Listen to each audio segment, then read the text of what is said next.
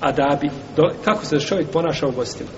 Čovjek dođe u goste, ujutru dođe, ima posla, on stanuje inače negdje dole, ovaj, ne znam, van Sarajeva, i dođe, ima tu nekakvog posla, i sa sobom povede svoju ženu, i ostavi je kod brata ujutru 8 sati ili 7, na doručak, i onda dođe po nju 6 sati na večer. On hoda, on ima nekakvih poslova, on je poslovan čovjek, ima po gradu, ženi zahmet da bude sama kući, dođe onda u goste 12 sati. Braćo, nema gosti u 12 sati. Nema gosti da čovjek dođe u goste nekome 12 sati. Ima nešto što je gostoprimstvo, čovjek što ima pravo kod brata muslimana koji dođe, to je druga stvar.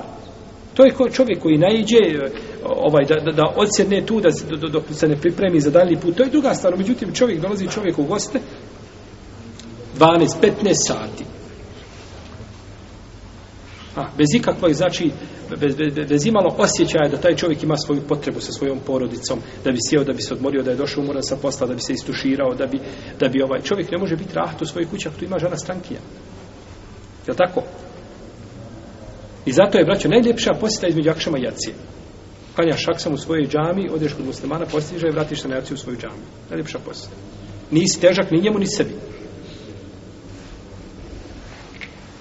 Mi smo jedne prilike, braćo, bili kod jednog šeha sjedli, ušli mi, ovaj, jeli, mi koji dođemo iz Evrope, mi smo ko pustinjaci oni.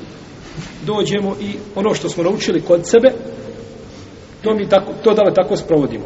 Jedan je naš student došao dole, šeh jedan drži predavanje koji je poznat kao učenjak i napisao stotinu dijela ima napisa, nema koga ne zna na zemlji. Kada je došao predavanje, kaže, možeš ti, možeš ti se namar, kaže, predstavljaj mi, znamo ko si ti.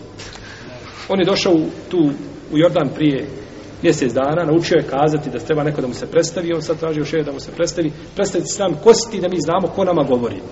Ti si anonimus, XY, pao se od nekle smrsa i pričaš nam, moramo znati ko si da vidimo kakva je ispravnost, pa ću ja tebe ovaj, selektirati onda gdje ti pripadaš.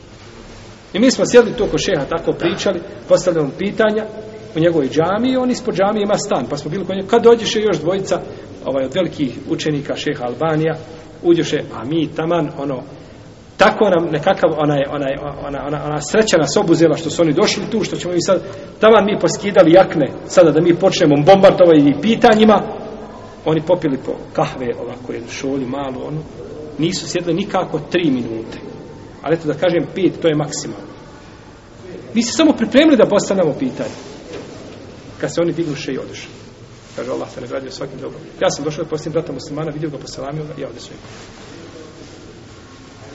To je zijaret onoga ko pazi na svoje vrijeme. A zijaret onoga ko ima vremena na odmet. Ja sjedio 6 sati, ja sjedio 8, ja sjedio 12. Hm, to je za njega isto. Nikakve razlike nema. Naravno, ti, tebi je sve jedno kako god da sjedio.